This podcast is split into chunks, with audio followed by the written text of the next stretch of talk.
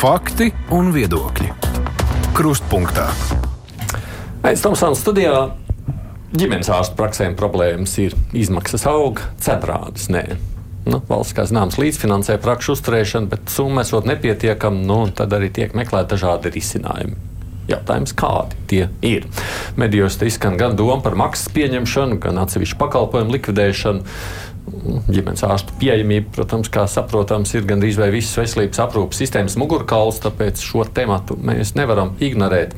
Caur Zoom mūsu studijā ir pieslēgušies no Laukģimenes ārstu asociācijas viceprezidents Ainis Dalps. Labdien jums! Sveicināti! Un vadītāji, viņi ir arī saimnes deputāti Līga Kozlovska. Labdien!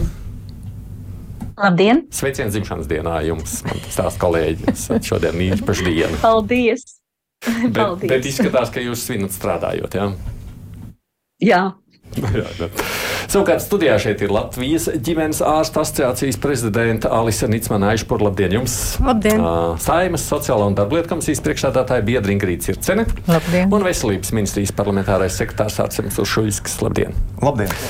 Uh, vismaz tā kā es paskatījos, domājot par šīs dienas raidījumu, arī TV3 ziņoja, ka jūs līdz šodienai kā gaidījāt kādu atbildi no atbildīgajiem. Apmēram, tā, kolēģi, tā gaidīja. kolēģi gaidīja. Jūs kaut ko esat sagaidījuši, un ko jūs esat sagaidījuši, vai ko jūs gaidījāt?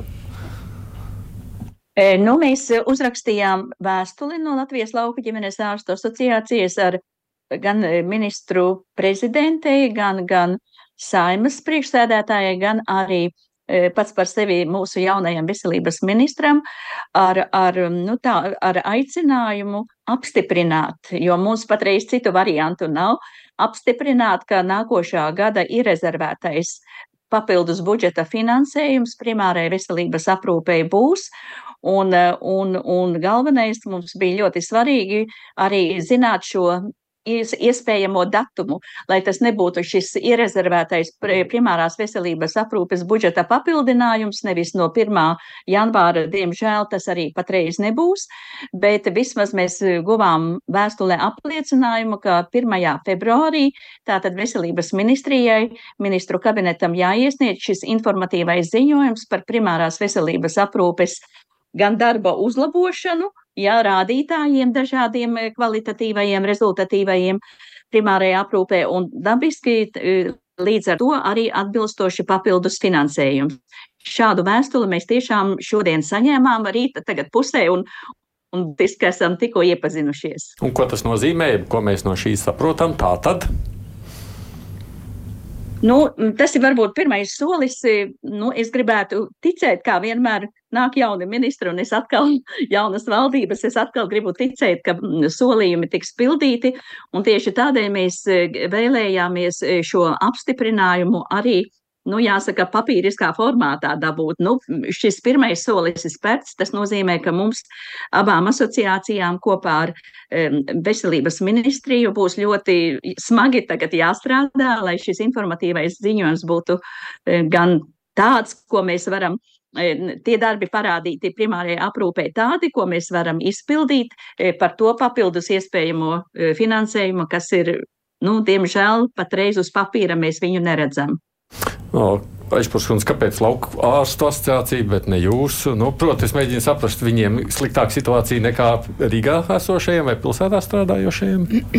Nu, nav jau tā, ka mūsu asociācija ir pilsētā strādājošie ārsti. Tā ir Latvijas ģimenes ārstu asociācija, un arī mūsu asociācijā ir ļoti nu, daudz nu, kolēģi no pilsētām un ārpus pilsētām. Tieši tā. Un, uh, mūsu asociācijā bija šis biedru lēmums un valdes lēmums par, mēs esam jau oktobrī uzrakstījuši vēstuli par to, kādi būtu nosacījumi, uz kuriem mēs varētu spēt turpināt strādāt un nodrošināt primārās veselības aprūpas pakalpojumus no janvāra. Un pat cik mūsu līgums beidzas 31. decembrī, tas bija tāds mūsu piedāvājums, kādiem mēs varētu no tā 1. janvāra turpināt strādāt. Kāpēc tieši tagad tas jautājums atkal kļūst aktuāls? Nu, kas ir mainījies, kas ir noticis? Nu, jūs taču Nu, ir, nu, būtībā ir tā, jā, ka nav jau nekāds noslēpums, ka katru gadu viss paliek dārgāks. Nu, tāpat tās arī mūsu praksēs, un tāpat no pagājušā gada septembra, kad visā valstī bija ļoti sadārdzinājušies elektrības resursi un siltuma resursi, tāpat tās arī mums šie milzīgie rēķini bija jāmaksā pie tā finansējuma, kas uz to brīdi bija, un viņš nebija paaugstināts nu, par prakses uzturēšanu gadiem. No aprīļa šis prakses uzturēšanas finansējums ir 730 eiro, kas nesedz prakses uzturēšanas izmaksas, tālu nesedz.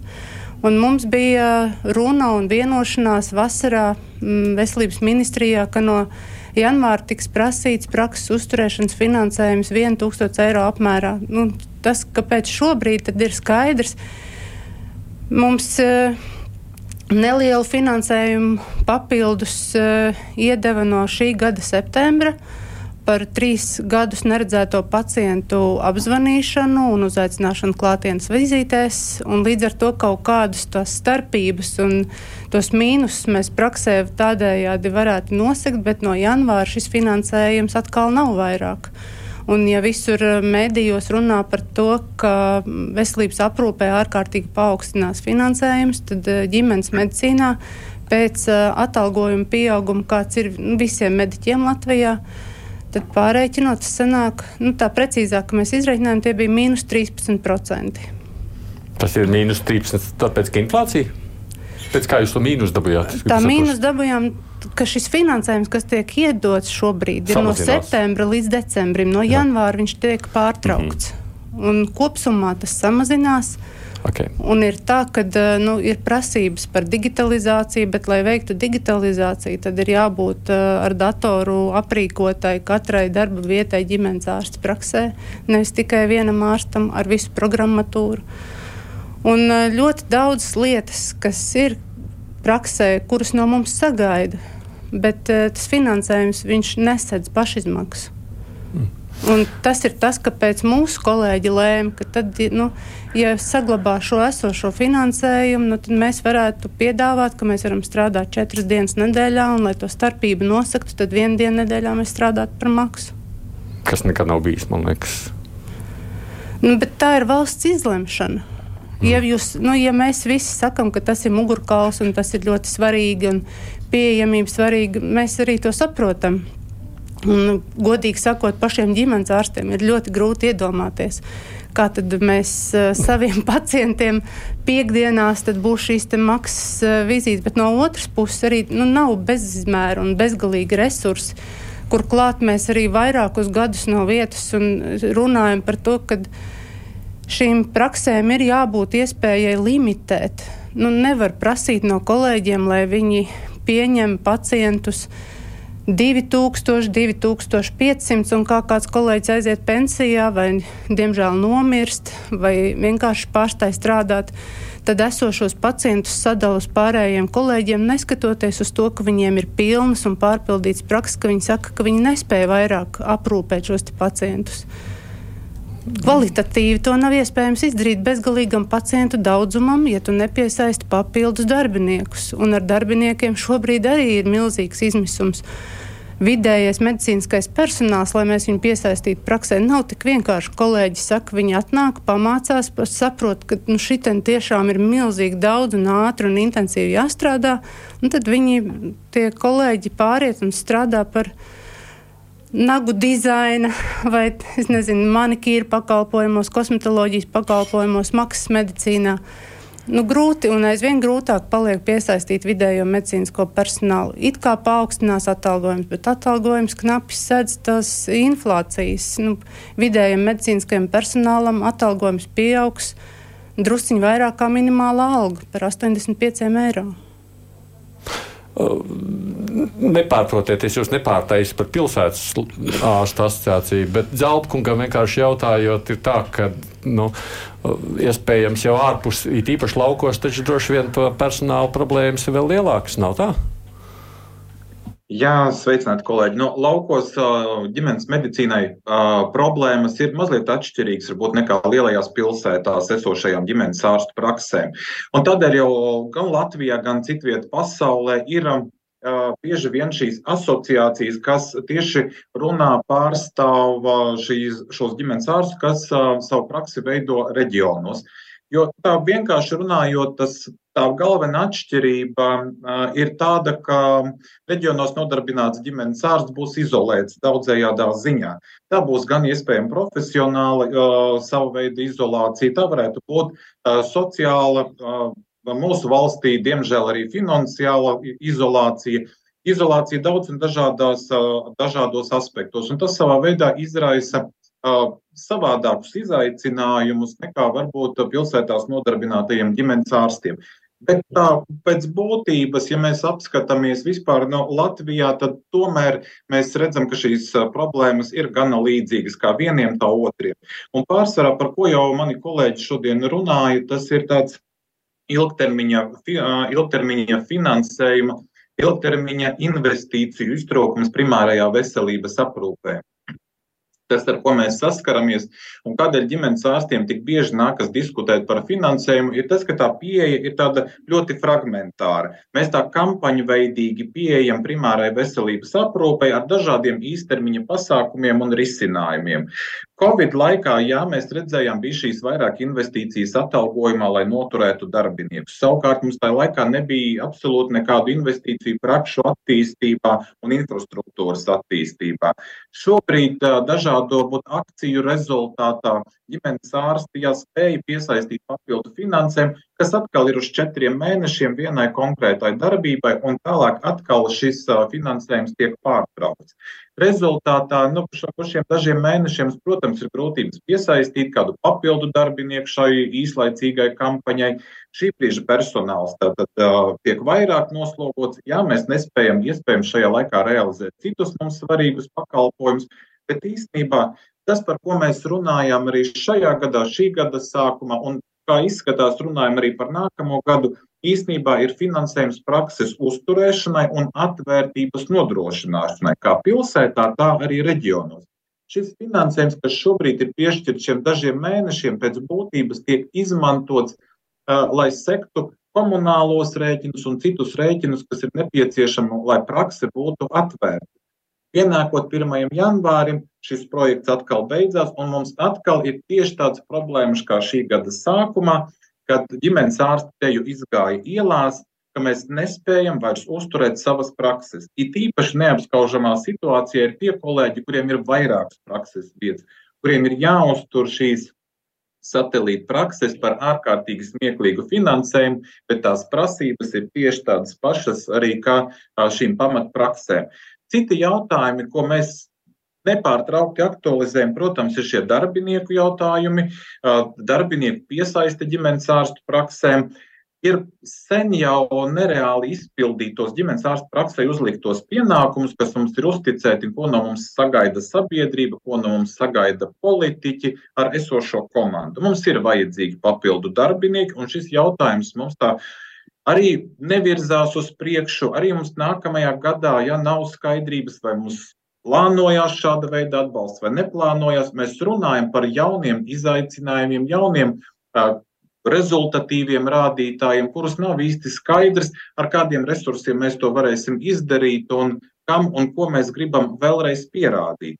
Jau sen ir pierādīts tas, ka ģimenes medicīna ir tas efektīvākais, izmaksu efektīvākais un pieejamākais veselības aprūpas posms. Mēs piecās dienās absolūtā vairumā gadījumu nodrošinām ģimenes ārsta konsultāciju. Mēs ikdienu nodrošinām akūto palīdzību mūsu pacientiem, un tādēļ uz esošajiem resursiem mums būs diezgan grūti uzņemties jaunus pienākumus. Taču Lauku ģimenes ārstu asociācija ir atvērta dažādiem piedāvājumiem, Protams, papildinot mūsu komandu, piesaistot papildu darbiniekus, mēs varam sniegt būtisku ieguldījumu gan vakcinācijas aptveru uzlabošanā, mūsu profilaktiskā darba uzlabošanā un citos, citu rādītāju sasniegšanā. Bet redz, jau būs decembris, un mums ir reāli atlicis viens mēnesis, lai mēs par kaut ko varētu vienoties, saprast tās vērtības, ko pārstāvam mēs, ko pārstāv mūsu valsts, lai vienotos kopīgai rīcībai nākamajā gadā. bet mums nav īsti skaidrības par šo rīcību, kāda tā sekos un kādi mums būs resursi, kādi mums būs uzticēti pienākumi. Nu, es gribēju, lai sākumā vienkārši ģimenes ārsts var izteikt to savu sāpju un tas, kas viņus uztrauc. Man liekas, tajā, ko es visvairāk saklausu, nu, pietrūkst prognozējamības. Tātad līdzekļus jau tur jūs kaut kādus dodat, bet nu, lūk, uz vienu projektu, uz otru projektu, un viņi nevar saprast, ko viņi var, ko viņi nevar izdarīt. Kāpēc tā situācija tāda veidojas? Nē, nu par uh, prognozējumību zināmā mērā ir jāpiekrīt. Uh, uh, tas kopumā varbūt nav tas ilgspējīgākais veids, kā finansēt lietas, ja mēs ik pa laikam nodrošinām uh, konkrētu finansējumu, konkrētu darbību veikšanai uz konkrētu laiku, kas pēc kaut kāda laika beidzas. Nu, projekts, nu, tas var, ir projekta nauda, vai ne? Jā, jā, teikt, tas jā, ir projekta finansējums. Jā, tieši tā. Uh, dažreiz tād, uh, tāds finansējums tiešām ir iespējams, bet, protams, daudz ilgspējīgāk ir tad, kad nu, tā bāzes finansējumā ieliek, uh, ieliek tās lietas. Kāpēc tā situācija tāda veidojas? Un, nu, tās ir dažādas, dažādas izvēles dažādos laika brīžos, atkarībā no politiskas izvēles. Dažkārt tās ir politiskas izvēles, dažkārt tas ir tā reakcija uz kaut kādām akūtām problēmām, kas pēkšņi parādās. Tad nu, re, mums ir jārēģē, un ko mēs varam darīt. Uh, varbūt gada, gada beigās vai gada vidū, jā. Bieži vien tas iedod naudu, bet nu, ejot uz priekšu, mēs saprotam, ka šobrīd svarīgākais, svarīgākais ir izstrādāt informatīvo ziņojumu ar situācijas aprakstu pēc iespējas ātrāk. Mēs šo lietu esam prioritizējuši savā pusē. Jau pieminējām to, ka līdz februāra sākumam ir plānots to pabeigt un iet ar to tālāk. Mēģināsim, iespēju robežās, iespējams, arī ātrāk, nevar solīt, bet nu, tiešām prioritizējam, saprotam, dzirdam arī abas asociācijas, saprotam, ka tas ir svarīgi.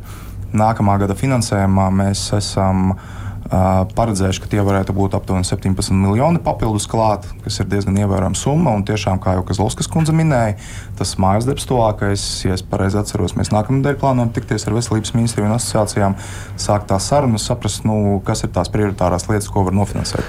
Ļaujiet man tādu saprast, lai, lai arī klausītājiem skaidrs. Tātad šobrīd notiek saimā darbs pie nākamā gada budžeta. Budžetā tā nauda, ko dot vairāk ģimenes ārstiem, ir paredzēta. Vismaz MK rezervētajā finansējumā. Jā. Nu, mums ir šoreiz mums ir tā, kopumā veselības aprūpē ir pieejams diezgan liels papildus finansējums. Ar daļu no tā, kur jau ir gatavs izvērtējums un informatīvie ziņojumi, mēs ejam jau no 1. janvāra. Tie ir kaut kādi aptuveni 170 miljoni, un vēl 100 ir rezervēti klāt. Un tos mēs varam dabūt caur informatīviem ziņojumiem. Respektīvi, līdz ar to tas situācijas apraksts un analīze ir svarīga, lai mums arī finanšu ministrija to iedod. Par, jums, tā kā, jums tā kā paredzēta nauda, un tālāk jūs sakāt, nu, kur ir svarīgākā. Precīzi, precīzi. Tas iedod mums arī iekšēnē elastību, lai mēs varam nevis uzreiz visu iezīmēt un izlietot, bet arī no nu, attiecīgi dažreiz arī rēģēt. Nu, tas, tas, tas tagad kopumā... ģimenes ārsti sauc pēc palīdzības, un jūs oh, tā, nav, tā nav īsta reakcija. Mēs jau no paša sākuma paredzējām, ka mums būs vajadzīgs finansējuma palielinājums. Bet nu, arī tā situācijas analīze aizņem laiku. Un ir jāvienojas, protams, arī jau pieminētie rezultātīvie rādītāji, kas ir bijuši iepriekšējos gados.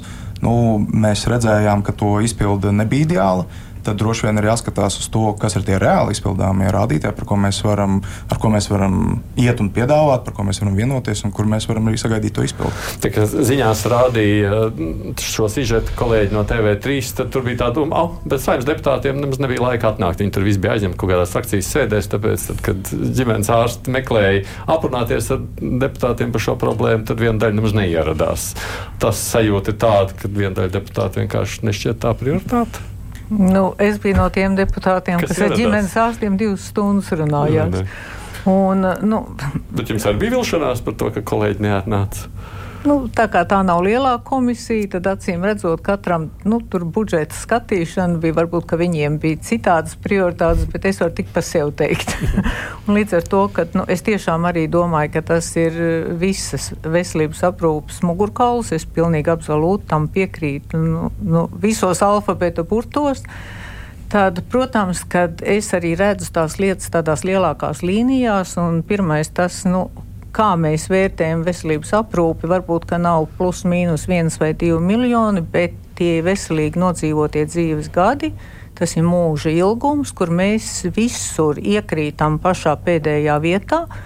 Un tas norāda, ka 1,9 miljardi, kas nav maza nauda, nesasniedz to mērķi, ko mēs gribētu sasniegt. Un, ja mēs ņemam daudzus tos punktus, izējoši no tās naudas, kā viņa tiek izlietota, tad, protams, ka mums pretī ir jāliek mērķis, rezultāts un kritērija, ko, ko mēs darām un kā mēs to vērtējam. Mums, teiksim, no šiem ģimenes veselības kritērijiem Pirmais, piemēram, ir pacienta apskats, tad, kad viņš atnāk un pierakstās pie ģimenes ārsta. Es personīgi, kā strādājot visu mūžu medicīnā, domāju, ka šīs kritērijas ir pats par sevi saprotams, veicamais darbs, nevis kvalitātes kritērijs. Vai, piemēram, nu, chroniskiem pacientiem, vai viņam tiek veikta laboratoriski izmeklējumi, tur glikētais hemoglobīns vai nu, pie attiecīgi plaušu slimībām citi izmeklējumi, jo tas ir darbs. Ko dara tie ļaunie kapitālisti Amerikas Savienotās valstīs? Viņi paņem kritērijus saistībā ar veselības aprūpi, kas ir mērāmi naudā. Viņi, piemēram, paņem viņiem tā pati ģimenes medicīna un ģimenes ārstu prakses. Un šajā praksē viņi, piemēram, mums ir vidēji 1500 pacienti, pa kuriem kapitācijas naudu samaksā 5000 mēnesī.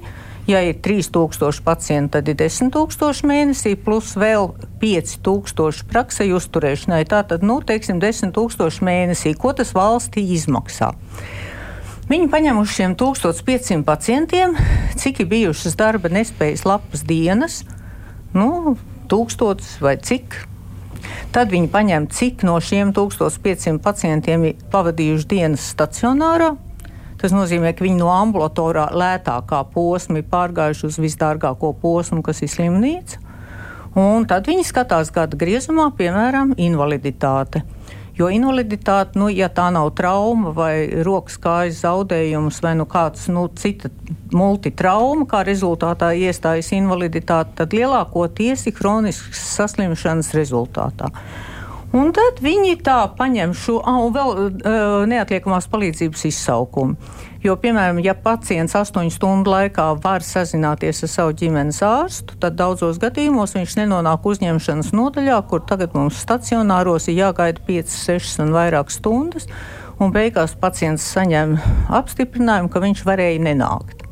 Un līdz ar to, ka saliek iekšā to, cik valstī ir maksājuši šie uh, izmērāmie mērķi, tad viņi skatās efektivitāti ieguldītajai naudai. Nu, es arī pagājušo otrdienu piedāvāju, ka līdzīgi tomēr mēs varētu virzīties un sākt ar to, ka mēs pasakām uz šiem 1500 pacientiem šie 5000, kas tiek uh, piešķirti kā kapitācijas nauda, un viņi nesamazina. Ko mēs pretī no tā sagaidām? Nu, man, teiksim, tagad gribētos, lai man piezvana un pasaka, nu, es esmu tā iedzīvotāja grupa, kam pienākas gripas vakcīna. Nu, nezvana man neviens. Es piedāvāju uh, likt klāt kā papildus atvieglojumu ģimenes ārstu praksēm, kaut vai vecmāžu dienestu, uh, šīs sadarbības prakses, astoņu stundu darba dienu. Nu, es saņemu noliegumu, jo ir izdeguši, ir grūti, bet tad, ja teiksim, es strādāju kā citas specialitātes ārsts, tad man maksā par konkrēti pieņemto pacientu. Man nemaksā, teiksim, kapitācijas naudu. Tāpēc es gribētu pretī redzēt. Pat 5000 mēnesī, es gribētu, ka teiksim, ir apskatīti 12% no chroniskiem pacientiem. Nu, piemēram, ka ir uzaicināti uz vakcināciju, kad ir apzvanīti, nosūtīti uz mamogrāfiju. Nu, konkrēts kaut kādas Proti, lietas. Tas, ko jūs sakāt, maksāt par nu, pēc kaut kādiem mērījumiem, kad var izmērīt, ka ir kvalitatīvs darbs. Jo mums patreiz ir desmit tūkstoši uz vidējo prakses, tas Nacionālā veselības dienas dati, tās nav manas emocijas vai subjektīvs kaut kāds viedoklis. Es piedalījos dienas biznesa konferencē, kur tas skanēja no tribīnas. Nu, tā tad par tiem desmit tūkstošiem eiro.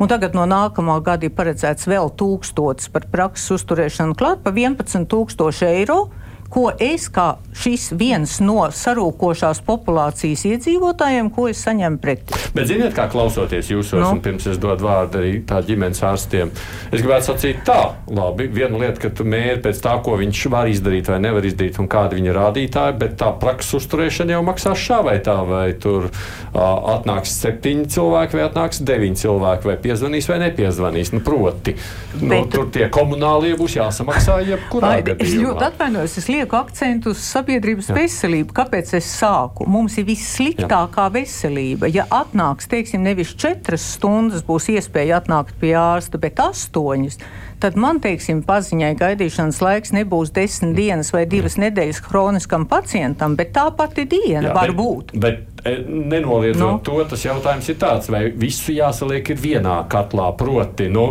ja jūs neizdarīsiet to, tad arī praksi nevarēsiet lāga uzturēt. Nē, nu, es jau nesaku, vajag samazināt naudu. Un ne. tad par pārējo spiest. Es arī pagājušo nedēļu teicu, ka es esmu par to, ka, piemēram, ārpus Rīgas vai lielajām pilsētām ir jāpalielina koeficients, ja ģimenes ārsts strādā ārpus lielas pilsētas, jo viņa darba apstākļi ir nesalīdzināmi ar to, kas te ir pāriet Rīgā pāri pa ielu vai aizbraukt 10 km vai 20 km. To nevar salīdzināt. Līdz ar to viens ir par to, ka tu strādā ārpus lielās pilsētas, otrkārt par to, ka tu savā praksē veic manipulācijas, nevis nepārtraukti sūti uz dažādiem izmeklējumiem.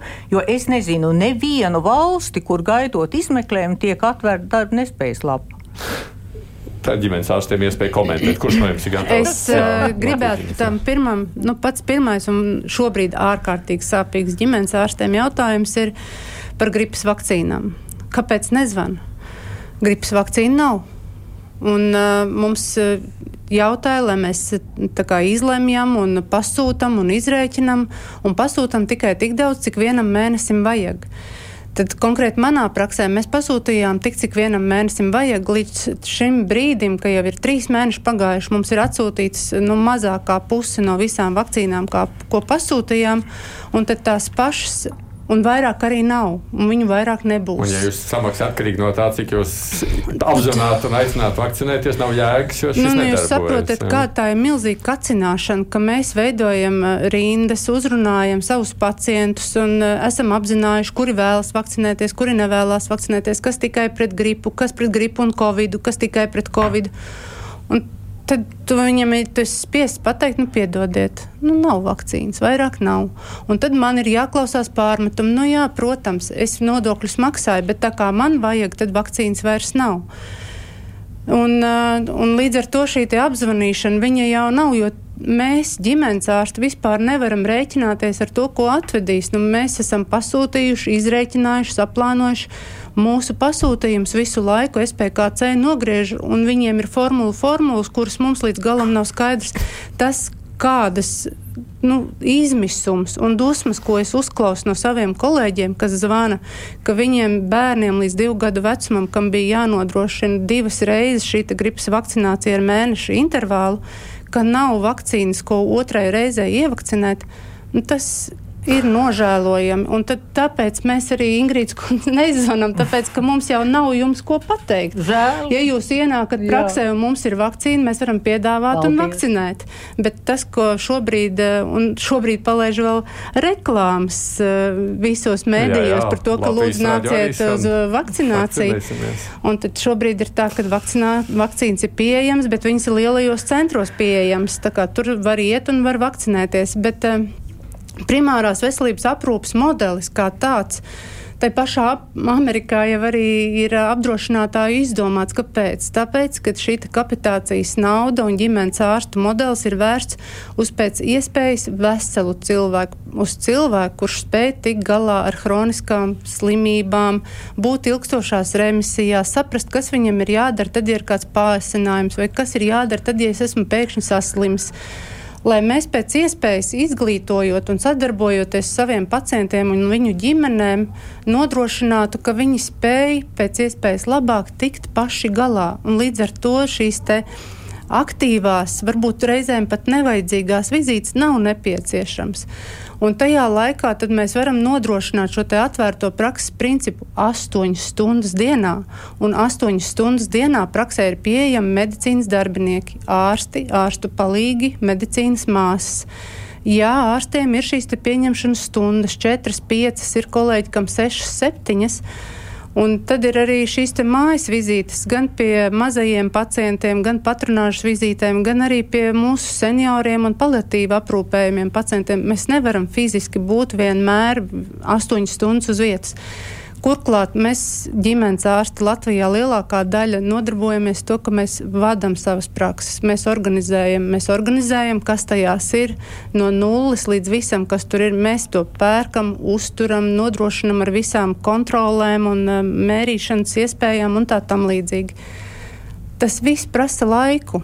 Un tas viss prasa darbu. Un, ja mana praksa ir labi organizēta un labi strādā šī komanda, un es, mums ir pāraudzība un, un skaidrs, ko un kā un kuros brīžos darām, un kāds ir deleģējums kuram komandā, un komanda ir pilnvērtīga, tad to darbu var izdarīt. Bet, uh, diemžēl, tam ir vajadzīgi resursi. Tam ir vajadzīgi cilvēku resursi, finansiālie resursi, lai mēs varam nodrošināt, ka mūsu praksē ir vairākas telpas, kas vienlaicīgi var aprūpēt vairākus pacientus. Katrs savas kompetences ietvarā, palīgi savas māsiņas, savas ārsti, savas kompetences ietvaros. Un tad mēs varam šo pieejamību uzlabot. Jums ir sajūta, ka jūs nesaprotat?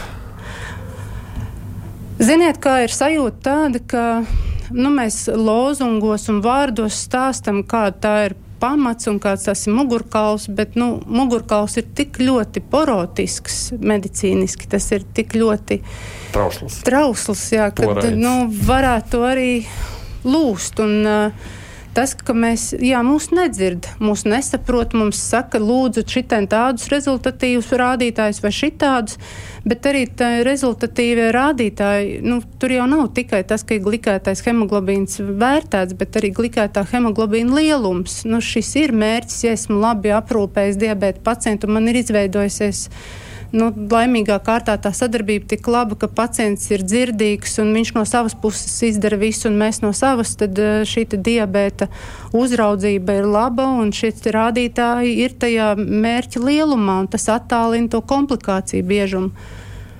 Tad, ja mēs strādāsim pēc tā, cik atnāca, tad kas nu, valstī tas nav prognozējami, jo tad viņi nespēja prognozēt tādās situācijās, kad pēkšņi pieaug ļoti saslimušo skaits tad ļoti pieaugs arī izmaksas par katru, kas atnāca. Tad es kā ārsts vairs neesmu ieinteresēts pēc iespējas labāk izglītotā cilvēkā, kā pacientā, kas pēc iespējas labāk tiek galā un var savu slimību organizēt, novērot. Un, um, nu, mēs šobrīd arī attālināti nodrošinām pacientiem, ka viņi var saņemt savus receptus. Protams, ka mēs izjautājam tos rādītājus, kurai slimībai, kas ir vajadzīga, vai mēs varam turpināt, vai mums ir jāaicina klātienē, un vismaz reizi pusgadā būtu jānāk klātienē, jebkurā gadījumā, jo ir lietas, kuras arī telefoniski nevar izvērtēt.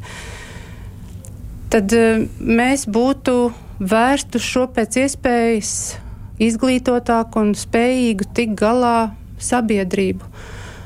Bet, ja mēs būsim orientēti uz to, ka mums vajag pēc iespējas vairāk izdarīt un vairāk pieņemt, tad mēs to varam darīt. Jautājums, vai tas būs kvalitatīvāk visai sabiedrībai kopumā, un vai tas būs galā lētāk.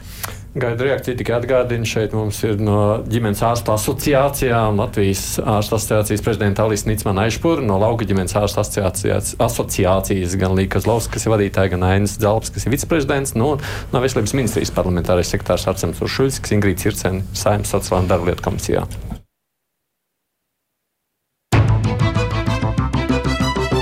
Raidījums Krustpunktā. Nu, izklausījās ļoti pārliecinoši ko sacīja Aizpurskundze. Kāda reakcija jums?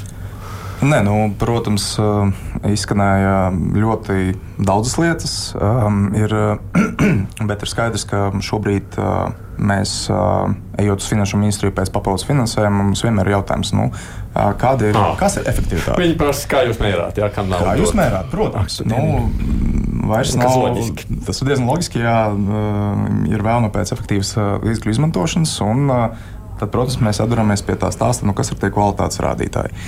Tāpēc uh, esat jūs, kas mācat ieskaidrot finanšu ministrijai, ka tā nevar visu mērīt, varbūt. Ne, līdz galam nevar, bet tas arī ir viens no, viens no diezgan svarīgām lietām. Un paskatoties uz tiem teiksim, kvalitātes rādītājiem, kas bija iepriekšējā periodā, nu, tur aina nav diezko laba. Jo teiksim, 22. gadā no mums nedaudz pāri 1200 ģimenes ārstu 22. gadā 7 vai 8 no 8 kritērijiem izpildīja 17. 5, 5 vai 6 izpildīja 200. Nu, kā piemēram, tā, lai tas ir tas, kāds, kāds kriterijs viņi neizpilda. Varat tā, nu, nu, šeit ir kriteriji gan par uh, bērnu vakcinācijas aptveri, tad, gan par nepietiekošu no, vakcinē bērnus. Gan par uh, no, uh, novērtēšanu uh, jaun, no jauniem pacientiem, teiksim, viņu veselības stāvokļa novērtēšanu, uh, gan arī rādītāji vairākās specifiskās slimībās, cukura diabetes, bronhiāla astma, uh, cukura pārāk slikta ārstei, hipertenzija, koronārā sirds. Nu, vairāki, vairāki rādītāji, kas tur ir iekšā. Un, uh, līdz ar to uh, tas ir mums tāds mājas darbs mums visiem, laikam, saprast, nu, kas ir arī tie varbūt reālie rādītāji, ko, ko mēs varam uzstādīt no savas puses, ko arī organizācijas var izpildīt. Un, uh, nu, mēs kopumā vēlamies vairāk maksāt par rezultātu. Protams, teiksim, ja mēs paskatāmies, kāds ir finansējums gimnazijas ārstu praksēm, uh, Iepriekš ir bijis teiksim, piemērs no 2021. gada. Rezultātu saņemtie maksājumi ir tikai 2% no visiem maksājumiem. Mums liela daļa ir kapitācijas nauda, kas ir gandrīz puse. Kapitācijas nauda, protams, ir vajadzīga, bet tad mēs atkal atdaramies no otras puses pret to, ka mums ir diezgan liels cilvēku skaits, kas trīs vai vairāk gadus nebija pie ģimenes ārsta. 300 tūkstoši. 300 tūkstoši gandrīz. Tas ir tiešām liels cipars. Un, principā par tiem cilvēkiem, kas neiet pie ģimenes ārsta, ģimenes ārsts saņem katru gadu to naudu. Skaidrs, ka tas palīdz viņiem nodrošināt tās esošās vajadzības, kas ir. Bet mēs arī no savas puses vēlē, vēlētos, lai tas skaitlis ir mazāks, lai cilvēki tomēr iet ar kaut kādu regularitāti pie ģimenes ārsta. Vārds sakot, tas, ko es saklausu jūsu sacītajā, būtībā ir diskusija vai strīds vai nespēja vienoties, pēc kā mēs mērīsim viņas labi dara savu darbu vai nē. Ja viņi slikti dara savu darbu, tad iedod mazāk naudas, paši vainīgi nesat labi izdarījuši. Savukārt viņi saka, mums to nevar izdarīt vienmēr visu ģimenes ārsts. Jūs prasāt no mums to neiespējamo. Te, nu, tā, tā, tā diskusija faktiski ir par kritērijiem. Jā. Viena, viena sadaļa noteikti par kritērijiem, otra sadaļa par to, cik un kad mēs varam pieaugt finansējumu. Jo ir skaidrs, ka arī tas ir vajadzīgs, bet kur tieši ir vajadzīgs? Tas ir tas galvenais, ko mums ir jāsaprot. Nu, kur, tas ir tas jautājums, par ko mēs iesākām. Mēs iedosim naudu par, tieši par šo. Apmēram tā, jā. Tajā saucamajā projektā Laukģimenes ārstu asociācijas spēja reaģēt uz to, ko mēs tikko runājām. Kas tur ir tiem kritērijiem? Jūs tiešām nevarat nu, apsēsties un beidzot vienoties ar valsti. Šo jā, šo nē. Nu, vienalga, kurš Zelta. Aini, varbūt tu, tu vispirms un es jā. turpināšu. Jā, jā? jā nu, cienījamie kolēģi, jā, no šeit ir tā, tā diezgan. Uh, Nav tāda tipiska diskusija par to, kā mēs runājam vispār par ģimenes medicīnu. Mēs gribam tur mērīt un sasniegt, kā jau kā jūs paši arī dzirdējāt. Mēs iedosim, pieņemsim vēl papildus 1000 eiro, un mums visi cilvēki valstī dzīvos tikpat ilgi kā Kanādā, pieņemsim 80 gadus, un mums invalīdu vairs nebūs, un visas problēmas tiks atrisinātas. Nu, tā ir kariķēšana, tā jau arī nē, protams, bet no otras puses jūs piekrītat, ka kaut ko var mērīt ģimenes ārstu darbā. Var, var mērīt var mērīt. Un īstenībā tas, par ko runā kolēģi pārstāvot tātad politikas veidotājus, tie ir mazliet tie, tie mērījumi, kas jau principā ir novecojuši, bet mēs to varam. Ja tas joprojām ir aktuāli kādam, mēs to varam darīt. Bet principā par ko tie mērījumi, par ko runā pasaulē šobrīd, ir pieņemsim sniegto pakalpojumu īpatsvars vispār un pakalpojumu pieejamību. Ja mēs to paskatāmies no Latvijas, Latvijas konteksta, tad šobrīd, ja mēs vērtējam valsts sektoru, ambulatoro sektoru, tad ģimenes ārsti ikgadēji sniedz uh, 8 miljonus konsultāciju, tātad pakalpojumu, kas sastāda 75% no visa ambulatorā darba valsts sektorā. Un tas ir kolosāls rādītājs, kas parāda, ka ģimenes ārsti strādā, ka ģimenes ārstu pakalpojumi ir pieprasīti, un mūs nevar pārspēt neviena cita ne klīnika, ne speciālistus kopā saliekot. Ja? Tātad tas parāda, ka darbs ir ārkārtīgi intensīvs, un tas ir ļoti būtisks rezultatīvs rādītājs, ka pacients saņem pakalpojumu par viens vai pa divi eiro. Ja mēs paskatāmies no cita aspekta, tika pieminētas darba nespējas lapas, tad jūs iedomājieties, kāds ir pieprasījums slimu cilvēku pieprasījums, na, kuri nāk pie ģimenes ārsta, kurus mēs ārstējam. Ja? Un, protams, tas viss ir saistīts arī ar darbnespējas lapām un, un to, to, ka mēs atzīstam, ka šie personas nav darba spējīgas. Tie ir tūkstošiem cilvēku, kas vēršas pēc šāda veida palīdzības. Paskatāmies atkal, pieņemsim, kā rezultatīvo rādītāju, ģimenes ārsti šogad, šī gada pirmajā pusē laboratorijas kvotu pārsniedz par 8 miljoniem. Mēs nestrādājam ar superdārgiem ģenētiskām analīzēm. Mēs pacientus izmeklējam, nosakot cukuru, holesterīnu un, un pamatlietas, Un tādā veidā analīze, kas maksā pāris eiro, mēs esam sastrādājuši 8 miljonus. Es domāju, ka mums ir jāraugās, un tie ir fakti, kas parāda, ka ģimenes ārsti strādā un sasniedz šos mērķus. Ja mūs interesē, un mēs ejam uz šiem birokrātiskiem mērķiem, jā, ģimenes ārsta prakses darbu var pielāgot šiem administratīviem mērķiem, un mums ir jāparāda šie, šāda veida, pieņemsim, noteiktas manipulāciju skaits, ko kolēģi gribētu redzēt. Bet, ja mēs paskatāmies uz vakcināciju kā tādu, piemēram, bērnu vakcinācija mūsu valstī ir viena no labākajām Eiropā. Mēs sasniedzam 98% rādi, aptveri. Kas to paveic? To nepaveic ne ginekologi, to nepaveic ne vienības gatave. To izdara kolēģi ģimenes ārsti. Tikko skaidroja, ka tas tieši nav izdarīts. Jāvērtē mazliet citi rādītāji. Jo pasaulē ģimenes medicīnu sen vairs kā nevērtē pēc viena konkrēta izrauta parametra, bet pēc kopuma, pēc pieejamības, pēc noslodzes, ko mēs varam mērīt, un pēc sniegto pakalpojumu klāsta. klāsta. Labi, es saprotu jūs teikto, bet mazliet, ja drīkst skaidrojat, tad ko tad mēs vakcinējam vai nevakcinējam bērnus? Vai nu, izvakcinētība, nu, izvakcinētība bērniem Latvijā ir ļoti augsta. Jā. Un uh, mēs vakcinējam bērnus. Es domāju, ka tur ir par citiem rādītājiem, runa par tiem bronhiālās astmas rādītājiem, mm, jā, par izelpas plūsmas mērījumiem. Okay. Un mums jās, jārunā arī, nu, mēs esam jau vairāk kārt runājuši par to, kād, nu, kādā veidā tiek atlasīti tie mērāmā populācija, pēc kāda kritērija, kas ir tās listes un ko tieši ņem vērā. Un tad arī nu, kolēģi daudzums, eh, kas. Eh, tur, lai tu to atspoguļo, tev jāvada pieciparu skaitlis ar manipulācijām par nulli vērtību. Un, protams, ka kolēģi pirmām kārtām cenšas, lai viņu pacienti būtu dzīvi, izdarīt visu darbu tad pēc iespējas aprūpēt tos, kas ir hroniski slimi un profilaktiski apskatīt, un lielāko daļu visu arī savadīt, bet eh, par katru cenu pēc šiem kritērijiem kolēģi neskrien. Tā ir taisnība, jo tas ir ļoti nu, birokrātiski liels sloks ar ļoti daudz dažādu manipulāciju atainojumu, kas ir nulles vērtībā. Līdz ar to tas, kas ielasās automātiski no nodotajiem taloniem un no tām analīzēm, ko pacienti ir nodevuši, tas arī ieskaitās, piemēram, pie hipertenzijas. Katram pacientam reiz gadā būtu jānosaka zem blīvuma lipīdu holesterīns, bet ja tu to pacientu esi nosūtījis par apdrošinātāju finanšu līdzekļiem vai par pacientu. Nu, biežāk tas ir par apdrošinātāju finanšu līdzekļiem, tas skaitās maksas analīze, un viņi netiek ieskaitīti kvalitātes kritērijos. Es esmu noteicis, bet eh, nu, es būšu no, tas sliktais, jo nu, viņš neieskaitījās valsts apmaksātā nu, zeme. Mēs atkal paliekam pie tiem kritērijiem, kurus mēs reiķinājām. Es redzu, ka Zloskas kundze gribēja teikt.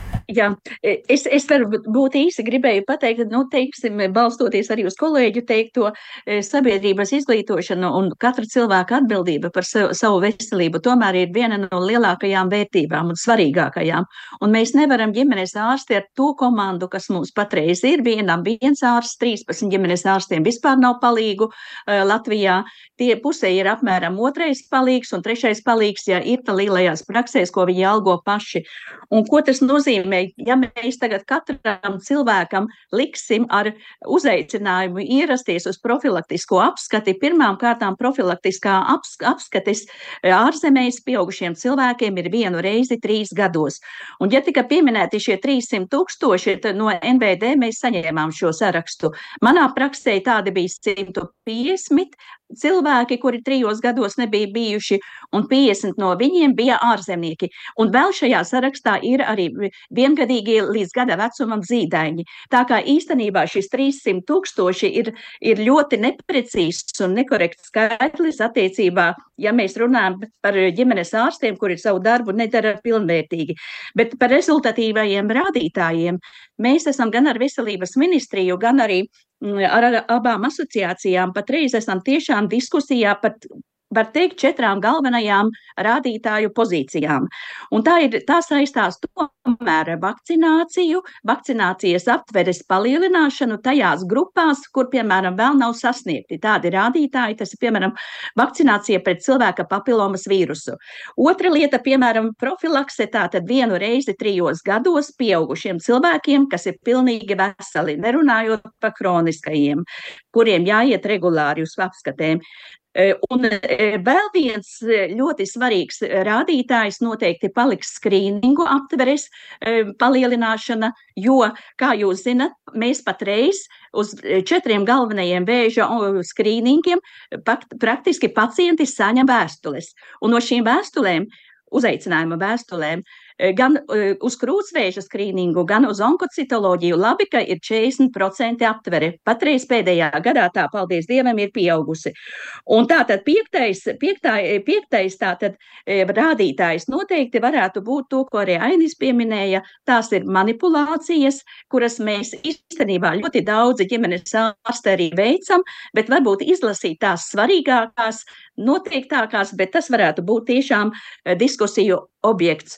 Un noteikti es esmu priecīga, ka arī veselības ministrija pēdējā sabiedrības ap, veselības apakškomisijā prezentēja vēl vienu šo kritēriju, par kuru pieminēja arī Ingrīdas Circenes kundze, tas ir lauku atbalsta koeficients.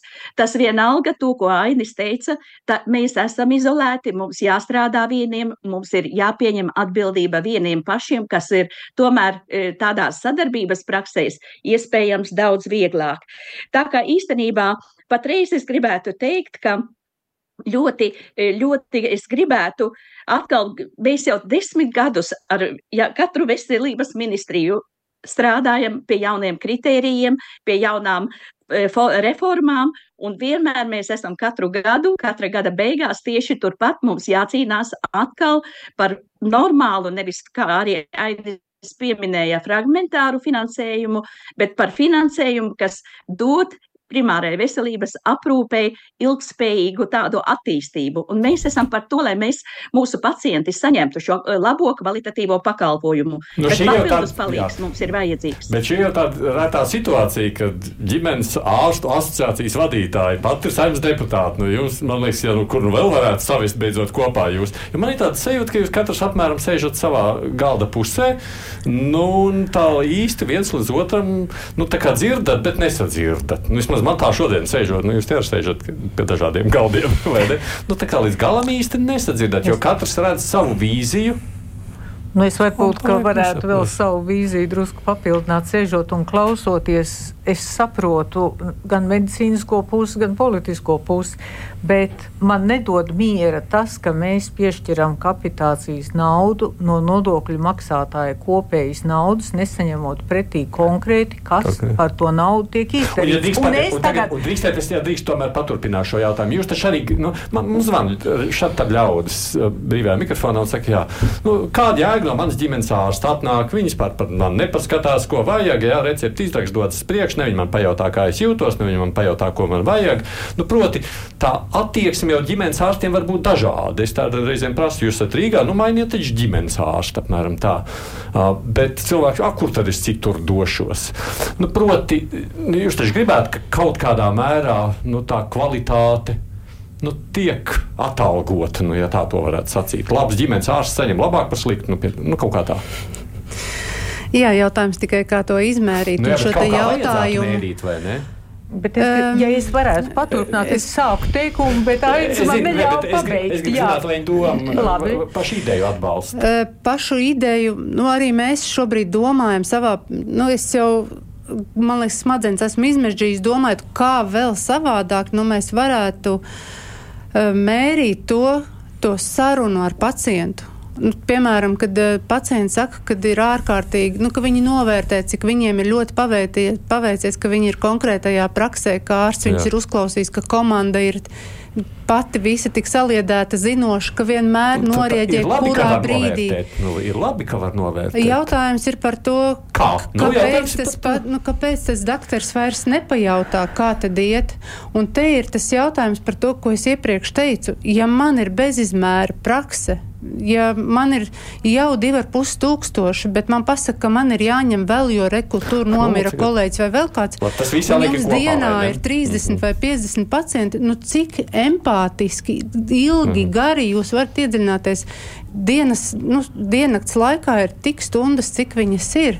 No, nu, un, ja ir tas izdegums, un tu neredzi nekādu iespēju, par kuriem līdzekļiem tu varētu noalgot papildus cilvēku, kas tavā praksē varbūt var palīdzēt apzvanīt kādus vai kādus mm. administratīvos darbus, varbūt pat ne mediķis, bet kādu, kas to darbu var papildus mm. noņemt no ģimenes ārsta pleciem.